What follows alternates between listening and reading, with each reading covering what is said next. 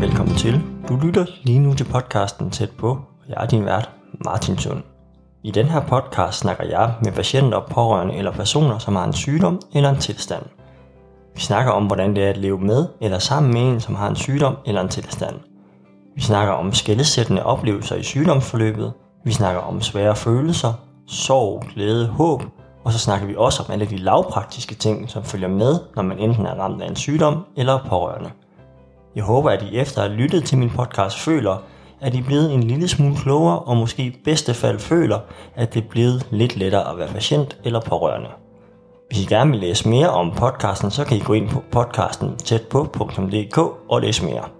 Og ellers skal I bare huske på, at jeg også har en Instagram og en Facebook, som I meget gerne må gå ind og like. God fornøjelse med at lytte til podcasten.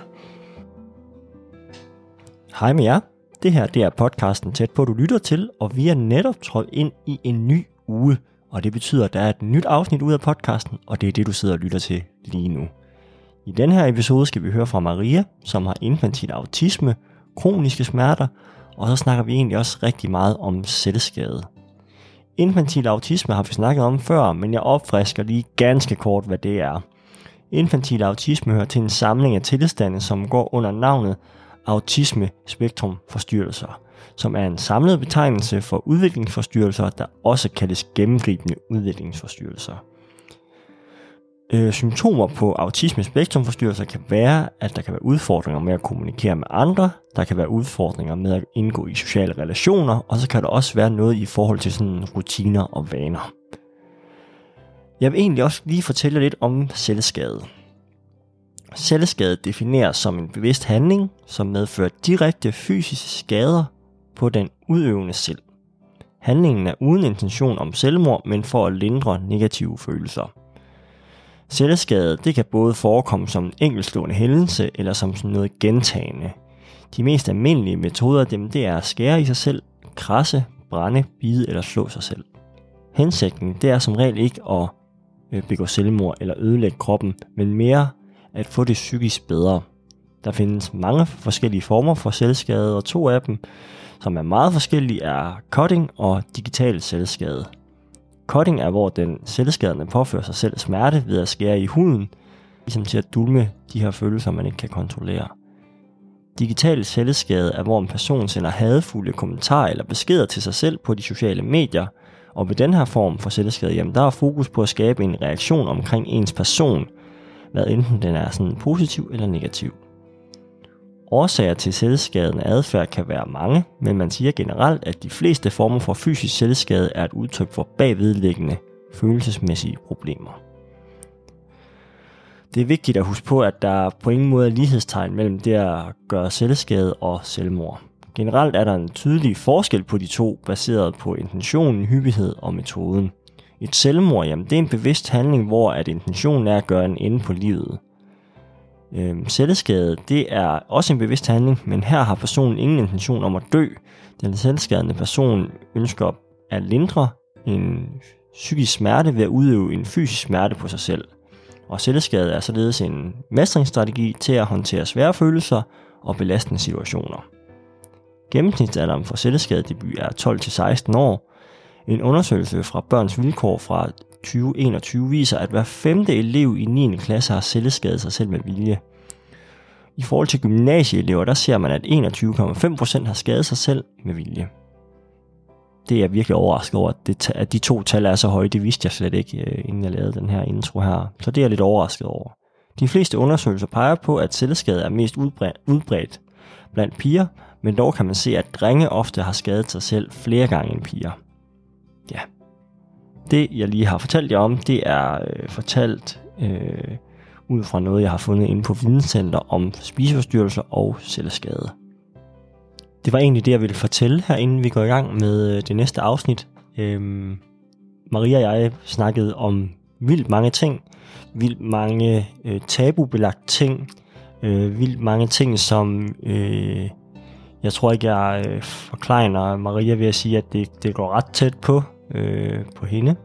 Øhm, så jeg vil sige, at det her det er en mere barsk historie, end det plejer at være. Øh, Maria er super, super sej og jeg synes, jeg beundrer hende vildt meget for at have været så åben omkring det her, fordi der er mange tabubelagte ting, vi snakker om.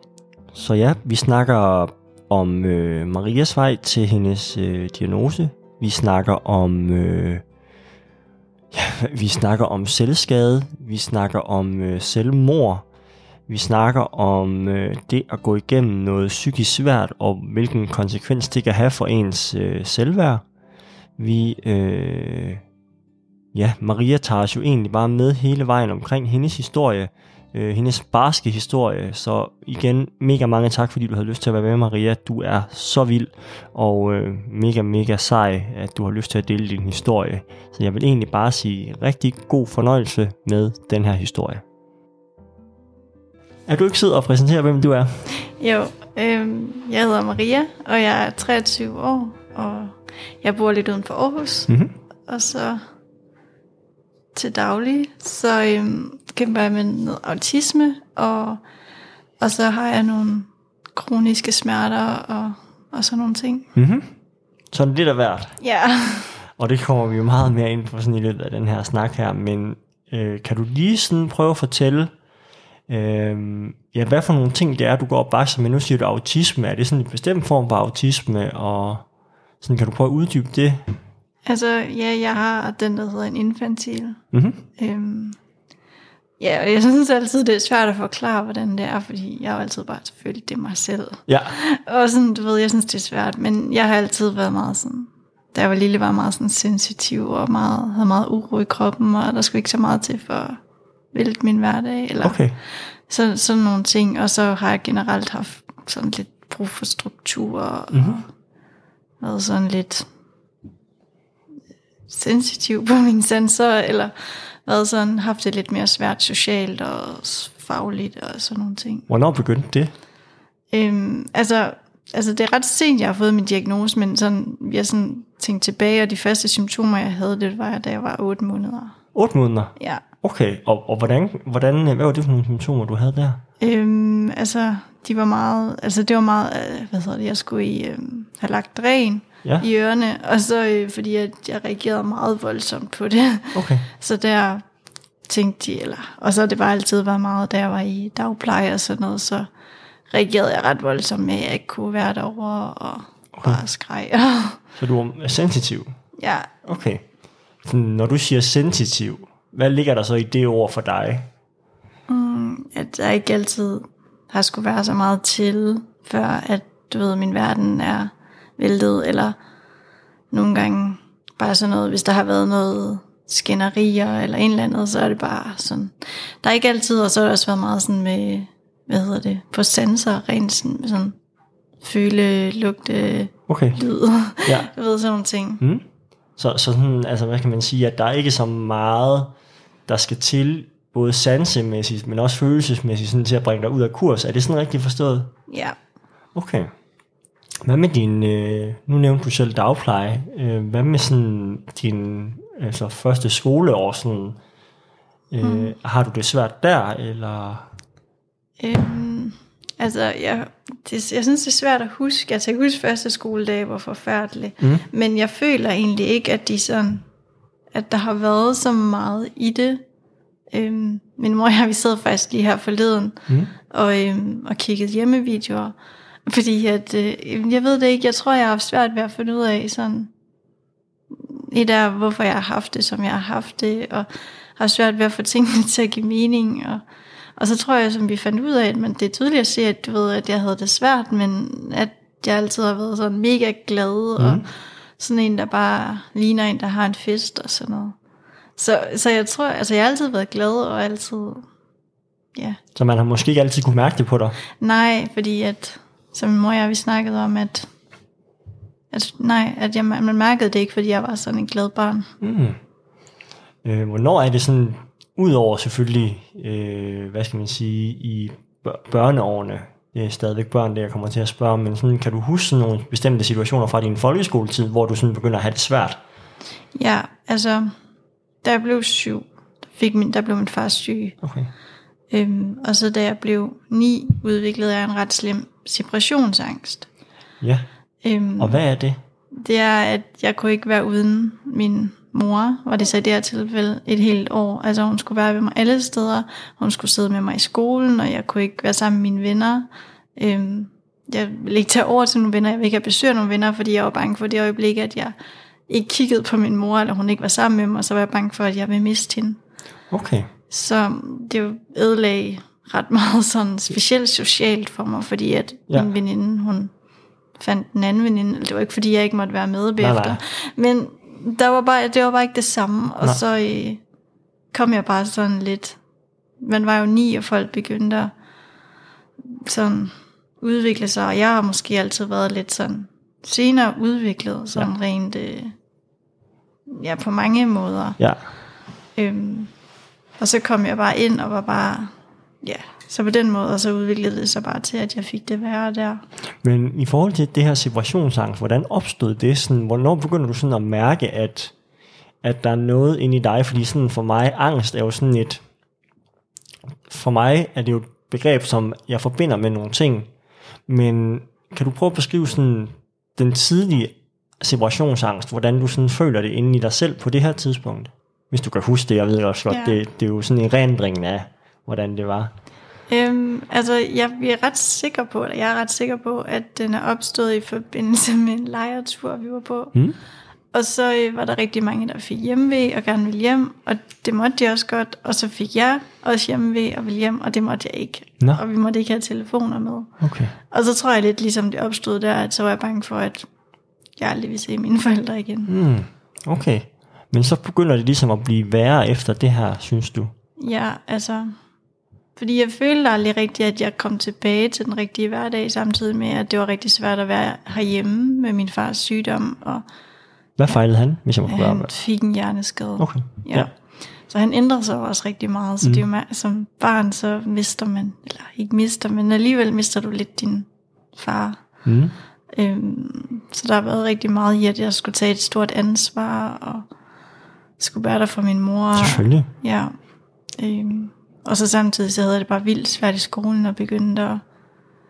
Ja, jeg fik sådan en masse tvangstanker, og så udviklede sig til, at jeg ikke spiste noget. Og, Okay. fordi at, jamen, øj, jeg var, altså mange, nogen har nok, dengang så sagde de, at du ved, at det var en spiseforstyrrelse, men jeg tror aldrig tænkt, at det var en, fordi jeg altid følte, at det var mere var i, at, at det var en form, fordi at jeg følte, at alt andet herhjemme var sådan kon- ude af kontrol, eller hele mig selv, så jeg følte bare, at du ved, så var det det eneste. Man kunne have kontrol over. Ja, altså det var ikke fordi, at du ved, at jeg havde min krop, eller mm. alle de der ting. Jeg tror bare, det er fordi, at alt var så kaos omkring mig. Ja. Og så var det bare som om, at alt bare væltede derfra. Var triggeren sådan, altså det her med, at din far var blevet syg, var det sådan det, der sådan triggede det? Ikke er sådan, du ved, det skal ikke handle om skyld, altså på den Nej, måde, men det er bare sådan, kan det være sådan, er det det, du ser som den udløsende faktor for det, at, hvad skal man sige, at, at din familiesituation ændrer sig? Jeg tror, det har haft en ret stor indflydelse, ja. Ja. Men man kan også, hvor gammel var du på det tidspunkt? Øh, Jeg var syv, da han blev ramt. Ja. Det er også sådan, altså det er, det er også, der sker også meget sådan i den alder der. Ja. Også sådan i skolen, hvor at, jeg ved ikke nu, det er alligevel nogle år siden, vi to har gået i folkeskole, øh, men sådan, altså, jeg, jeg erindrer bare, at lige de der teenageår, der tidlige teenageår, der sker bare rigtig meget, også sådan i måden, man opfatter verden på, det at omgås øh, andre mennesker, og sådan, øh, men de her tvangstanker, du fik, hvad, hvad ligger der i det ord for dig? Øh, det hele, det var meget sådan i, at jeg skulle... Altså for eksempel hver aften, så skulle jeg gå en time, ikke et minut over, ikke et minut under, så hvis jeg var for langt væk, så skulle jeg løbe, eller... Og så var der alle de der, man skulle tjekke låsen, når man gik ud af døren, og den låst, eller, og så skulle man tjekke den hele tiden, og gå frem og tilbage, Mm. og gå op og ned af indkørslen et vis antal gange. Ja. Og, og så begyndte det med, at min mad kun måtte veje, øh, måtte ikke veje over 100 gram ad gangen, eller, øh, og der var simpelthen så mange, og sådan hvert aften, så skulle jeg lave et bestemt træningsprogram, og jeg måtte ikke gå i seng, før jeg havde lavet det, fordi ellers så, og der var simpelthen, der kom bare flere og flere sådan, ting ind i det. Ja. Og sådan, altså, det, ja, det lyder jo virkelig sådan, det lyder vildt at høre sådan, at, eller sådan, er det vildt at høre for dig, sådan, når det sådan kommer ud på den her måde her, at, at sådan har du været en gang. Mm. Altså sådan det her med, at det er jo, jeg forestiller mig, at det skete ubevidst jo. Mm at det lige pludselig bare er kommet, og så kigger man tilbage på det og siger, okay, der, det, det var lidt vildt, men sådan, hvordan, altså, kan du huske de tanker, du har på det her tidspunkt her, omkring det her med, at du skal ud og tjekke låsen, og du skal gå frem og tilbage, og du skal gå en time og sådan noget, og lave det her træningsprogram her, og maden må kunne veje det her. Kan du huske, kan du huske, sådan de, kan du huske den specifikke tanke i forhold til, at, at du siger til dig selv, at det her skal jeg gøre? Mm. Altså kan du følge mig sådan, at altså, var, det, var det på et tidspunkt sådan bevidste tanker, man havde? Jamen, altså, jeg tror bare, at det var ens hjerne, den gik bare sådan helt amok, hvis man ikke gjorde det. Mm. øhm, jeg tror, jeg, jeg havde den der tanke om, at der ville ske alt muligt, hvis... Hvis du ikke gjorde det? Ja, altså, jeg tror bare, det er den der, at jeg ikke ville kunne finde ro i mit Mm. hoved, og jeg ville være bange for, at der skete alt muligt. Ja. Og, og sådan nogle ting. Okay. Og hvad, var- nu ved jeg jo ikke sådan, hvordan det er, men hvordan, hvad, hvad var det for noget, der kunne ske? Jamen, altså, jeg tror for eksempel det der med låsen og alle de der ting, at så var jeg bange for, at der er nogen, der ville komme ind i vores hjem. Nå, okay. Og, Ja, sådan noget. ja, Okay. Hmm. og så var det noget, ja, så skulle, man, så skulle jeg gøre det en milliard gange, fordi ellers så følte jeg, at låsen kunne gå op af sig selv, eller Ja, sådan nogle ting. okay.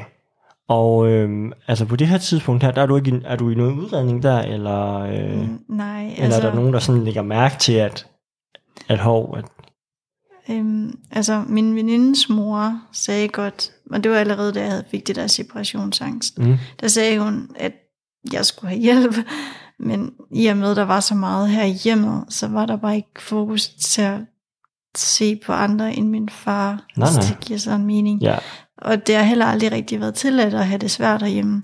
Så jeg også altid holdt det meget sådan, holdt det skjult, jeg nu kan, og så alligevel har der heller ikke, jeg ikke rigtig kunne blive set som, på som barn, fordi at der har været så meget fokus på alt det med min far. mm, Så det var egentlig min venindes mor, men min mor var sådan, jamen det er bare en fase.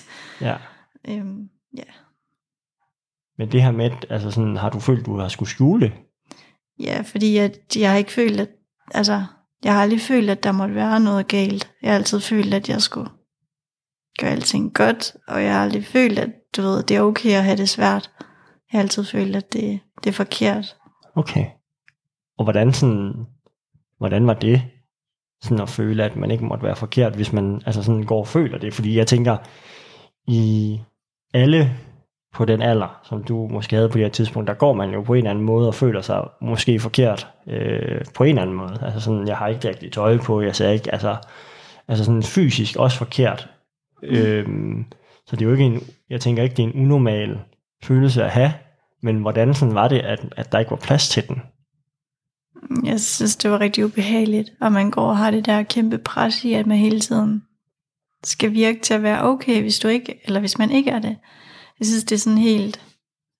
Jeg kan stadig godt have det den dag i dag, fordi jeg føler, altså, det er blevet bedre herhjemme, men det er stadig ikke altid nemt med det. Så jeg føler godt, at hvis, du, hvis jeg har det dårligt, så kan jeg godt sådan, hvis jeg ikke tør sige det, så kan jeg have sådan helt for ondt i maven over det på en eller anden måde. Ja, at man brænder ind med det måske. Ja, at man går sådan helt og...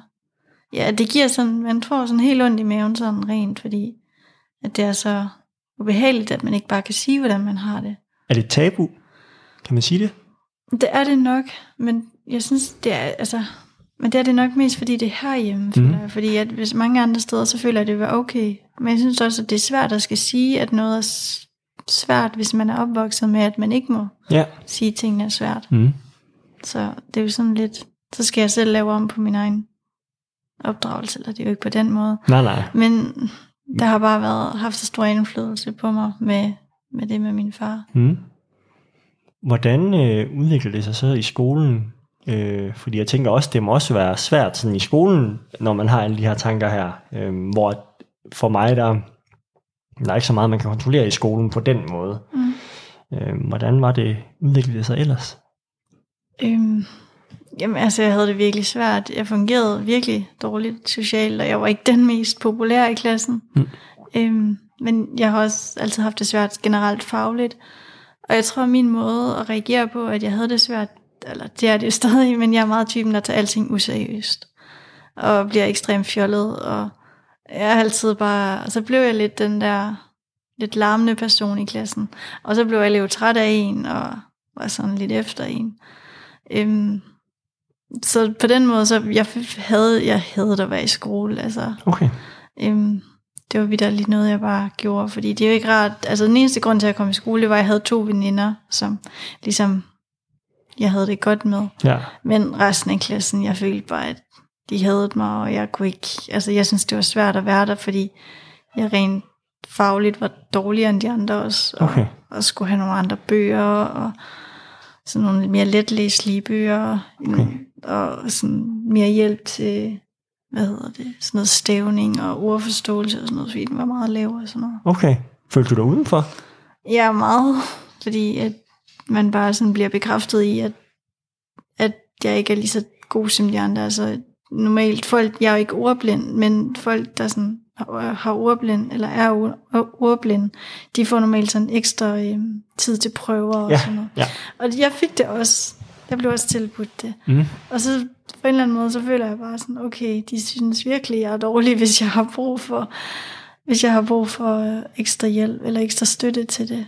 Og også det der med, at man blev sendt ned til sådan en eller anden speciallærer, Mm. fordi at mit ord var så dårligt, og fik at vide, at jeg skulle gå hjem og læse de her ord hver dag, jeg skulle lære nye ord, fordi jeg bare ikke fattede ret mange ord. Okay. Var det fordi, det ikke interesserede dig, eller hvad skal man sige? Altså, Jeg tror bare altid, jeg har svært ved alt Mm. mm. med sådan ord og læsning og, og sådan Ja. nogle ting. okay. Øhm. Og jeg tænker bestemt ikke det her, altså, hvad skal man sige, det, det hjælper ikke på den følelse, du i forvejen har, sådan af, af, af sådan at, og hvad skal man sige, nu siger jeg føle, føle sig forkert, øhm, og du må rette mig, hvis det ikke er rigtigt, men jeg tænker på det her tidspunkt her, hvor der er alt det her med den familiære situation, og, og man så skal i skole, fordi det skal man bare, og, og det synes man egentlig ikke er særlig fedt, øh, udover at være sammen med de to veninder, øh, hvorefter at resten af klassen jo så ikke synes, man er super, super fed. Øh, jeg tænker ikke, det har hjulpet på noget, Nej. at du har haft det svært øh, i skolen.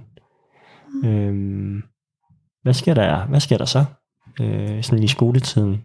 Øhm, jamen, det kører egentlig meget sådan.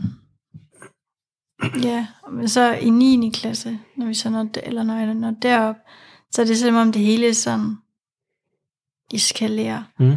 på den måde. Øhm, altså, øh, jeg er begyndt at tabe mig rigtig meget, og ja, jeg var, jeg var rigtig meget hjemme på skolen, og ja, det, øhm, det fungerede bare heller ikke, og jeg fik heller ikke taget min 9. klasse. Øh, jeg fik taget noget af det, men jeg blev sådan indlagt midt i eksamenerne, sådan indlagt på psykiatrisk første gang. Sådan Okay. lige midt i eksamen, så jeg fik taget et par fag. Mm.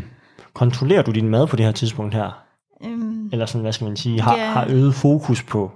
Ja, øhm, men jeg trænede også rigtig meget på det tidspunkt, fordi at i, altså det der med, at jeg følte ikke, at jeg havde været god til noget. Jeg har altid, jeg lavede meget gymnastik, da jeg var barn, men jeg har aldrig været sådan den bedste til at springe på den måde, også fordi at jeg er meget hypermobil, så det er ikke lige ledende, jeg har til det. Mm.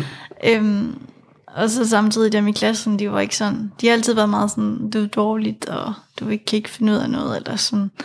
Og så følte jeg bare, at jeg skal bevise, jeg er meget typen, der godt kan lide at sige, okay, men jeg skal nok bevise, at jeg godt kan finde ud af noget. Mm. Og så begyndte jeg at danse, men jeg vil også bare gerne vise, at jeg var god, så jeg lavede virkelig, virkelig meget dans. Altså nogle gange så dansede jeg jo stort set hver dag. Mm. Og, øhm, og så når du samtidig ikke måske får vildt meget at spise, og så træner så meget, så taber man sig jo sådan lidt automatisk.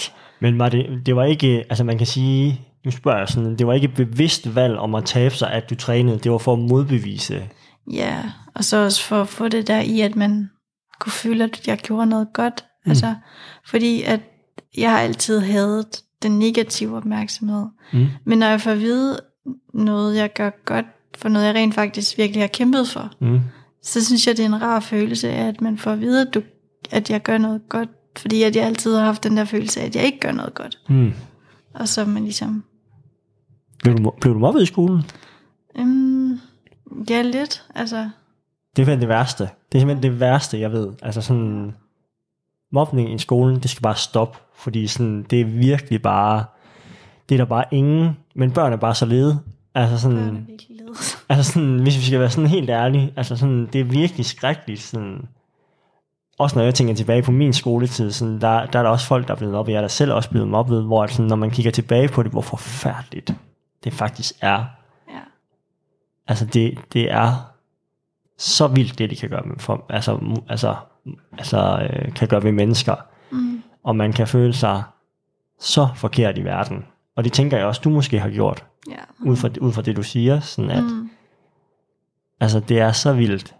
Øh, men sagde du noget til dem, eller sådan accepterede du bare, at Jeg accepterede det bare sådan, som det var. Jeg følte ikke rigtig, at jeg sådan turde sige noget. Mm. Øhm, Mm. Også fordi jeg synes, jeg vidste ikke, hvad jeg skulle gøre, fordi altså, specielt meget i de år, hvor det var, at folk de begyndte at udvikle sig til at være unge teenager, eller Ja. hvad man siger.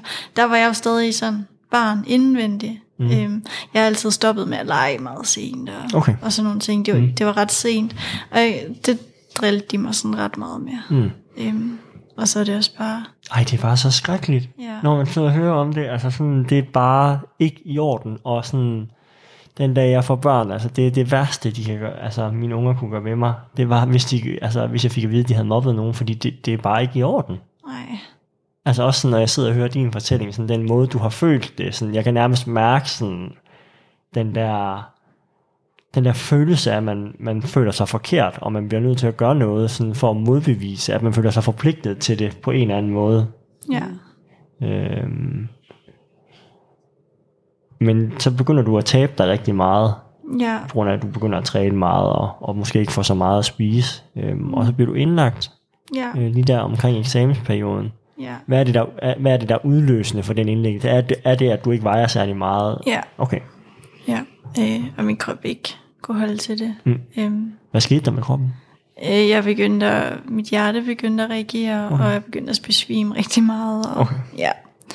Øhm, så ja, så blev jeg indlagt første gang. Øh, og der var jeg der først en måned, tror jeg. Øhm, Det var godt nok lang tid. ja, og så alligevel ikke i forhold til, hvad sådan, Nej, det er rigtigt. Og i forhold til, altså, ja, og så, så blev jeg jo så udskrevet på grund af, et, at jeg var sådan, ikke særlig gammel. Hvor gammel var du? Ja, Hvor- jeg var, Nå, 9. Det er ja, rigtigt. jeg var 15. Ja. Og så øhm, var der sommerferie, og så lukker de jo halvdelen af afdelingen ned. Fed grund til at blive udskrevet jo. Altså sådan, det giver jo bare super god mening, at, Ja. at vi skal lige holde ferie, så Ja, det var sådan lidt. Og så, så havde jeg tænkt, okay, jeg skulle ud og rejse med min mor. Vi havde bestilt en ferie til Kyberen. Og så siger de, du, du må ikke tage afsted. Øhm, du må ikke... Øh, altså, for, vi vil ikke øh, acceptere det, og hvis du gør det, så er det uden forsikring. Og så min mor sådan, så tager vi ikke afsted. Og jeg var bare sådan, det var min eneste motivation til ikke bare fuck det helt op. mm, Fordi jeg havde misset 9. Jeg havde misset, du ved, altså, der var så mange ting, jeg var gået glip af på den måned, jeg havde været væk. Så mange ting, der kunne have indflydelse, eller skulle have indflydelse på, hvad der skulle ske i fremtiden. mm, Øhm, så jeg følte virkelig, at det var op ad bakke. Og så øhm, kan jeg huske, at så blev jeg udskrevet, og så var jeg bare sådan, der er jo ikke noget at kæmpe for. Jeg kan huske, det var første gang, jeg faktisk sådan reelt havde lyst til at dø der. Fordi jeg, Ja. jeg, jeg følte ikke, at der var noget sådan håb for mig. Jeg følte ikke, at der var noget sådan at kæmpe for på det tidspunkt. Kan du lige prøve at fortælle om indlæggelsen igen? Hvordan sådan i den alder at blive indlagt, hvordan foregår det sådan, og hvem tager kontakt, og sådan, kan du huske det? Ja, øhm, altså inden det, så gik jeg ambulant ud på psyk. Okay. Øhm, og så var det jo ligesom, at dem, der sagde, at jeg skulle indlægges. Og jeg kan huske, at de havde sådan sagt til min mor, at hun skulle komme med mig. Det var så dagen efter. Mm. De ringte om aftenen, og så de sådan, du skal komme med en dagen efter, eller så sender vi politiet, ja. eller en eller andet. Og så havde jeg været sådan, jeg skal ikke sende politiet, jeg skal nok komme. Jeg vidste jo ikke, hvad det var, ikke? men jeg er jo ikke særlig gammel. Øhm, Hvem havde startet det forløb der, altså med at komme på psyk? Øhm, jamen, jeg tror, jeg gik ind med sådan en speciallæge okay. til at starte med i Aarhus, fordi at, øh, at øh, jeg havde en masse, jeg havde meget ondt i maven og okay. alle de der ting. Og Ja. så, øh, fordi jeg tabte mig, så tænkte han, at måske der var noget psykisk i det. Okay, så okay, det var bare lige for at få grunden til, hvorfor du var, øh, altså hvorfor du kom ind, altså hvordan du kom ind på, på, øh, på psyk. Så det var så Ja. simpelthen derfor, at der kunne være noget psykisk i det. Ja. Okay. Øh, men så, så siger de så, at vi ringer efter politiet, hvis du ikke kommer. Ja, det var sådan lidt voldsomt at få videre, og så tænker jeg, det, det skal der ikke, der skal ikke komme noget politi her ved mig. Mm. øhm, så ja, så tog der ind, men og det var egentlig meget sådan, jeg, jeg, jeg synes faktisk, det var lidt overvældende at komme derind. Hvordan det? Jamen, et er, at du er uden dine forældre, og du lige pludselig skal følge et sådan program, og du er sammen med andre, der også har det svært, og det er jo et slags hospital. Mm. Øhm, er det svært at være med andre, der også har det svært? Ja, det har jeg aldrig fungeret sammen med. Og så også fordi, at det var jo på et afsnit for folk med spiseforstyrrelser, men jeg har altid følt mig anderledes end folk, der har en spiseforstyrrelse. Så jeg følte heller ikke, jeg, vil passe, jeg passer ind i, altså, mm. i rammerne, og jeg blev også sådan lidt behandlet anderledes. Jeg havde et lidt anderledes program end de andre, hvor jeg var meget sådan, havde mere værelsestid og fulgte ikke sådan dagstrukturen på samme måde. Okay. Øhm, og jeg følte også altid, at de ting, de havde problemer med, det var en anderledes måde, jeg havde det på. Mm. Så på den måde synes jeg, at det var, ja, jeg synes, det var vildt svært, for jeg følte mig så malplaceret, og jeg følte ikke, at det var noget, der gjorde noget godt for mig. Var du en del af, af hvad skal man sige, det der spiseforstyrrelsesteam? Altså var du, var du, var ja. du indlagt på, altså med de patienter? Okay, ja. det var bare mere om, ja. at det, der ikke var noget, altså sådan, om Nej. du var sammen med et andet hold, men sådan bare kom derned også. Nej, det var sådan en special afsnit. Okay, men du følte dig ikke, altså sådan, du følte dig lidt malplaceret? Ja, jeg følte mig meget malplaceret. Altså jeg tror, altså, og det er også fordi systemet er jo meget sådan, du spiser ikke, du taber dig, du er ung pige, mm, mm. specielt, du har nok en spisetyrelse. Altså du ved, det er meget sådan, de tænker. Og så, okay. ja, så der, det er meget sjældent, at de sådan tænker i, hvorfor, eller en eller andet. Og jeg har også altid generelt haft svært ved, specielt på det tidspunkt, meget svært ved at åbne op og fortælle om, hvad der reelt foregik mm. inde i mit hoved. Um, ja, så det, altså sådan, det blev antaget, ja. bare på baggrund af din, nu siger jeg bare med citationstegn, at, at det var fordi du var ung, du var en pige, du, øh, du tabte dig, mm. at, at det var fordi du ikke kunne lide din krop, Øh, og så blev det derfor, at, var det ikke sådan, det blev antaget? Fordi sådan havde jeg egentlig forstået, at du følte dig lidt malplaceret. Det var faktisk ikke grunden til, at, at det her med at spise, det ligesom var opstået. Altså den her fokus på det, det var faktisk ikke der, det, det lå i, at du ikke var tilfreds med din kropagtige. Nej, det, der lå så meget mere i det. Ja. Øhm, så jeg følte, at, og det har vi jo også nu fundet ud af, at det er sådan en del af min autisme, at at der er så mange ting i det, at det hvis ens hverdag kan være uoverskuelig eller stressende, at så bliver det en ting, man sådan kan, kan få, hvad hedder det, få lavet, altså få, kan, hvad hedder det, kan ikke. Du, øh... Man kan styre det på en eller anden måde. Man ja. har kontrollen over det, hvis du ikke mm. har kontrollen over alt andet. Mm, okay. Øhm, jeg, synes stadig, jeg synes stadig, det er svært at finde ud af, hvordan og hvorfor og sådan noget. Ja. Men, men på en eller anden lille punkt giver det mening. Ja, og det var ikke for at generalisere i forhold til, hvordan øh, sådan spiseforstyrret tænker, det vil jeg bare lige sige, at, at det var ikke for at generalisere, at, at, at man får en spiseforstyrrelse, fordi man ikke kan lide sin krop. Der er mange grunde ja. til, til sådan noget. Øh, men det går så bare ikke gældende for dig, kan man sige. Mm. Øh, men der er du indlagt i en måned. Ja. Og hvad, hvad, hvad, hvad får man tiden til at gå med? Og, og sådan, ja, altså, det er, det er lidt lang tid sådan, at ikke at være hjemme, sådan, ja. tænker jeg. Og, og, altså, nu har jeg været øh, arbejdet på, på øh, et, et, et øh, psykiatrisk sengeafsnit, og, og det er ikke fordi, der sådan er vildt meget at lave. Nej, men jeg kan faktisk ikke huske så meget for den halvanden, eller den måned hedder det. Mm. Øhm, ja. Men du, bliver, men du bliver så udskrevet jo. Ja, og så var det jo, at... Øh, jeg følte, at den ferie havde været det eneste. Og så var det jo, at jeg stoppede at spise med at drikke helt, og så var jeg udskrevet i sådan noget 4-5 dage, og så... Nå, så, okay. Ja, og så, så blev jeg så indlagt igen. Så faktisk efter, nu bare lige sådan helt at forstå det, så bliver du udskrevet, og så bliver din tur til Kyberen aflyst. Ja. Og så sådan, så er der ligesom ikke så meget mere på det her tidspunkt for dig at, at kæmpe for. Nej, jeg følte i hvert fald, at det hele var sådan lidt nytteløst, fordi jeg følte, at jeg havde kæmpet for noget, der så ikke blev til noget. Mm. Øhm, så ja, der, jeg var sådan lidt, jeg synes i hvert fald, at der havde været rigtig meget modgang, og så tænkte jeg bare, at det er det. Jeg ved det ikke, jeg følte lige der, at det var det eneste, jeg havde tilbage, hvis man kan sige det sådan, mm. på en eller anden groft sagt. Kan du huske, hvad du sådan tænkte? sådan, altså de der tanker? Jeg synes, det var pisse uretfærdigt, at, at en læge skulle sige, om det er ikke forsvarligt, og det vil vi ikke gøre. Og så tænker jeg, jeg tænker bare, hvis I tænker, at det ikke er forsvarligt, hvorfor udskriver I mig så? Altså, hvis, hvis jeg er klar nok til at være udskrevet, så kan jeg jo også godt tage ud og rejse, tænkte jeg. Mm. tænkte, så skal I ikke bestemme. Men, og det skulle de heller ikke, de kunne jo ikke, det var ikke fordi, de ikke kunne forhindre mig, eller de kunne forhindre mig, men det var bare, hvis der så skete mig noget, så ville der ikke være nogen forsikring. Mm. Og det var det, min mor var ligesom bakket ud på. Mm. Øhm, så jeg kan bare huske, at jeg virkelig blev ramt af den der håb, håbløs, håbløshedsfølelse. Ja. Øhm, sådan virkelig. Og hvad var de ledsaget af, sådan den følelse?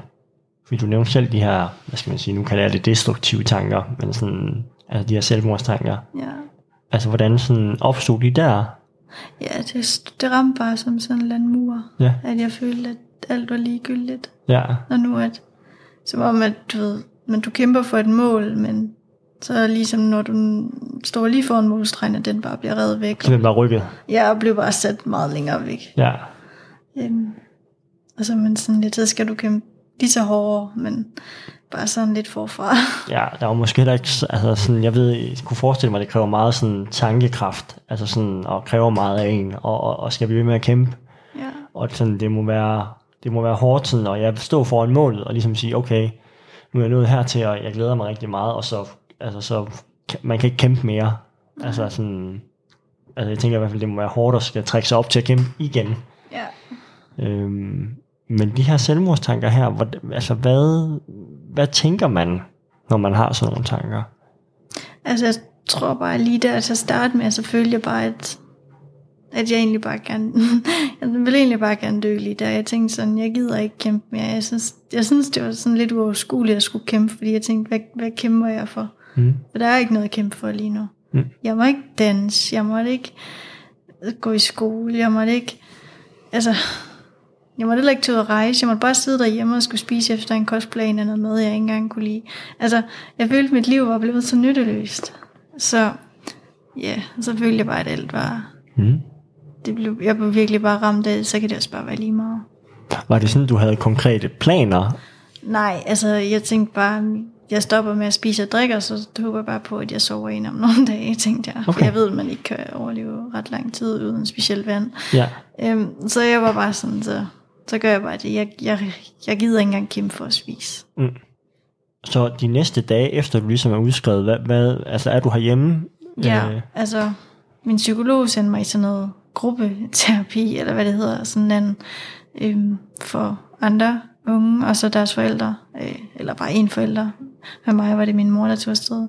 Men jeg tror, det var på sådan noget fjerde dagen, jeg var afsted.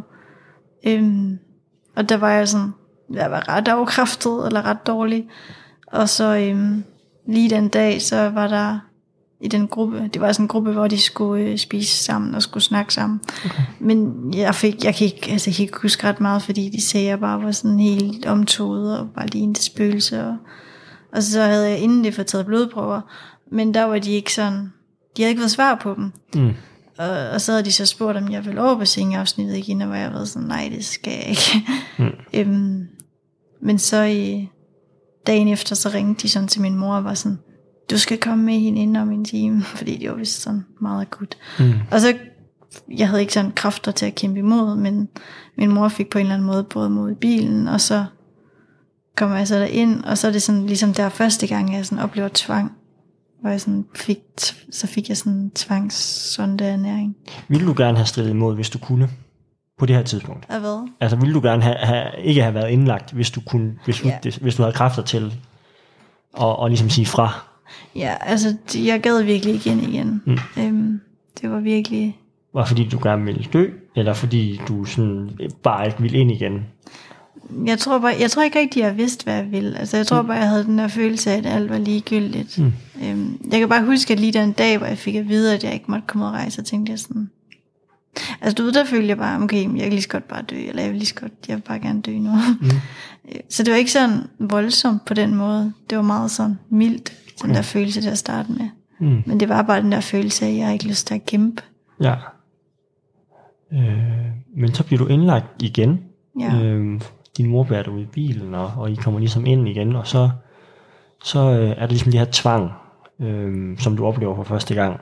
Mm. Og øh, kan du huske det, eller har du fået det beskrevet, sådan, hvad skal man sige, eller kan du godt sådan, Nej, det sidder ret dybt. Jeg husker det Ja. sådan ret tydeligt. Ja. Jeg, husker sådan, jeg husker generelt, da jeg kom derind, sådan dagen ret tydeligt. okay, kan du prøve at beskrive det?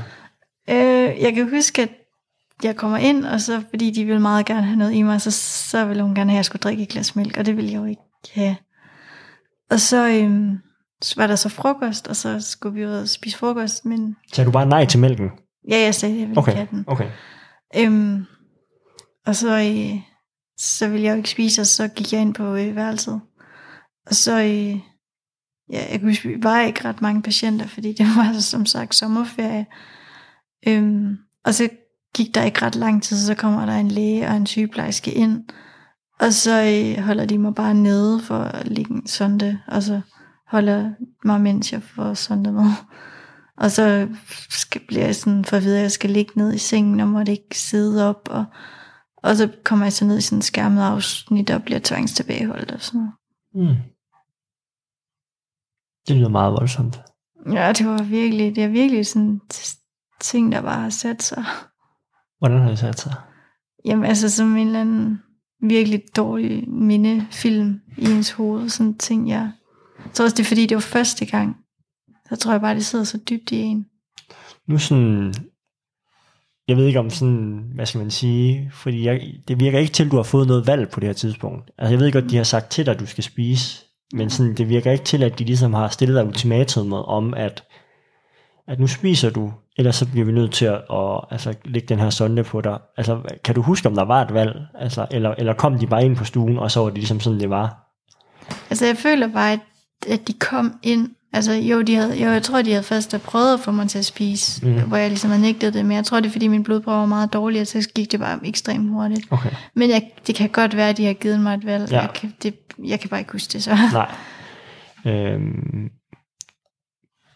ja, det, det, det, jeg sidder bare lige sådan og reflekterer lidt over, at jeg, jeg synes, det er rigtig vildt at høre, at, at sådan, altså din version af det, øh, jeg har faktisk øh, prøvet at stå på den anden side, og øh, være med til at give, at give sonde på den måde, som du beskriver.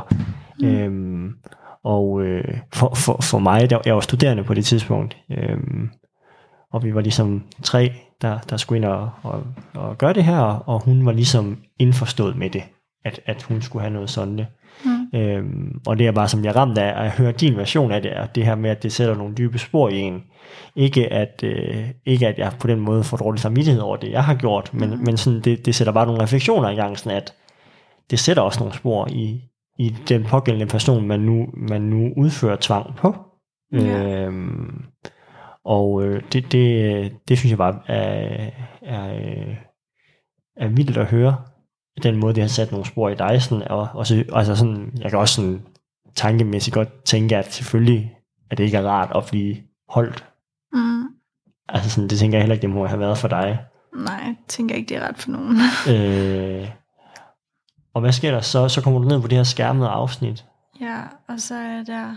Og kan du lige fortælle, hvad et skærmet afsnit er for de uindvidede? Ja, øh, det er et afsnit, hvor der sådan er ikke så mange patienter, og så er der ligesom låst, så man ikke kan gå ud.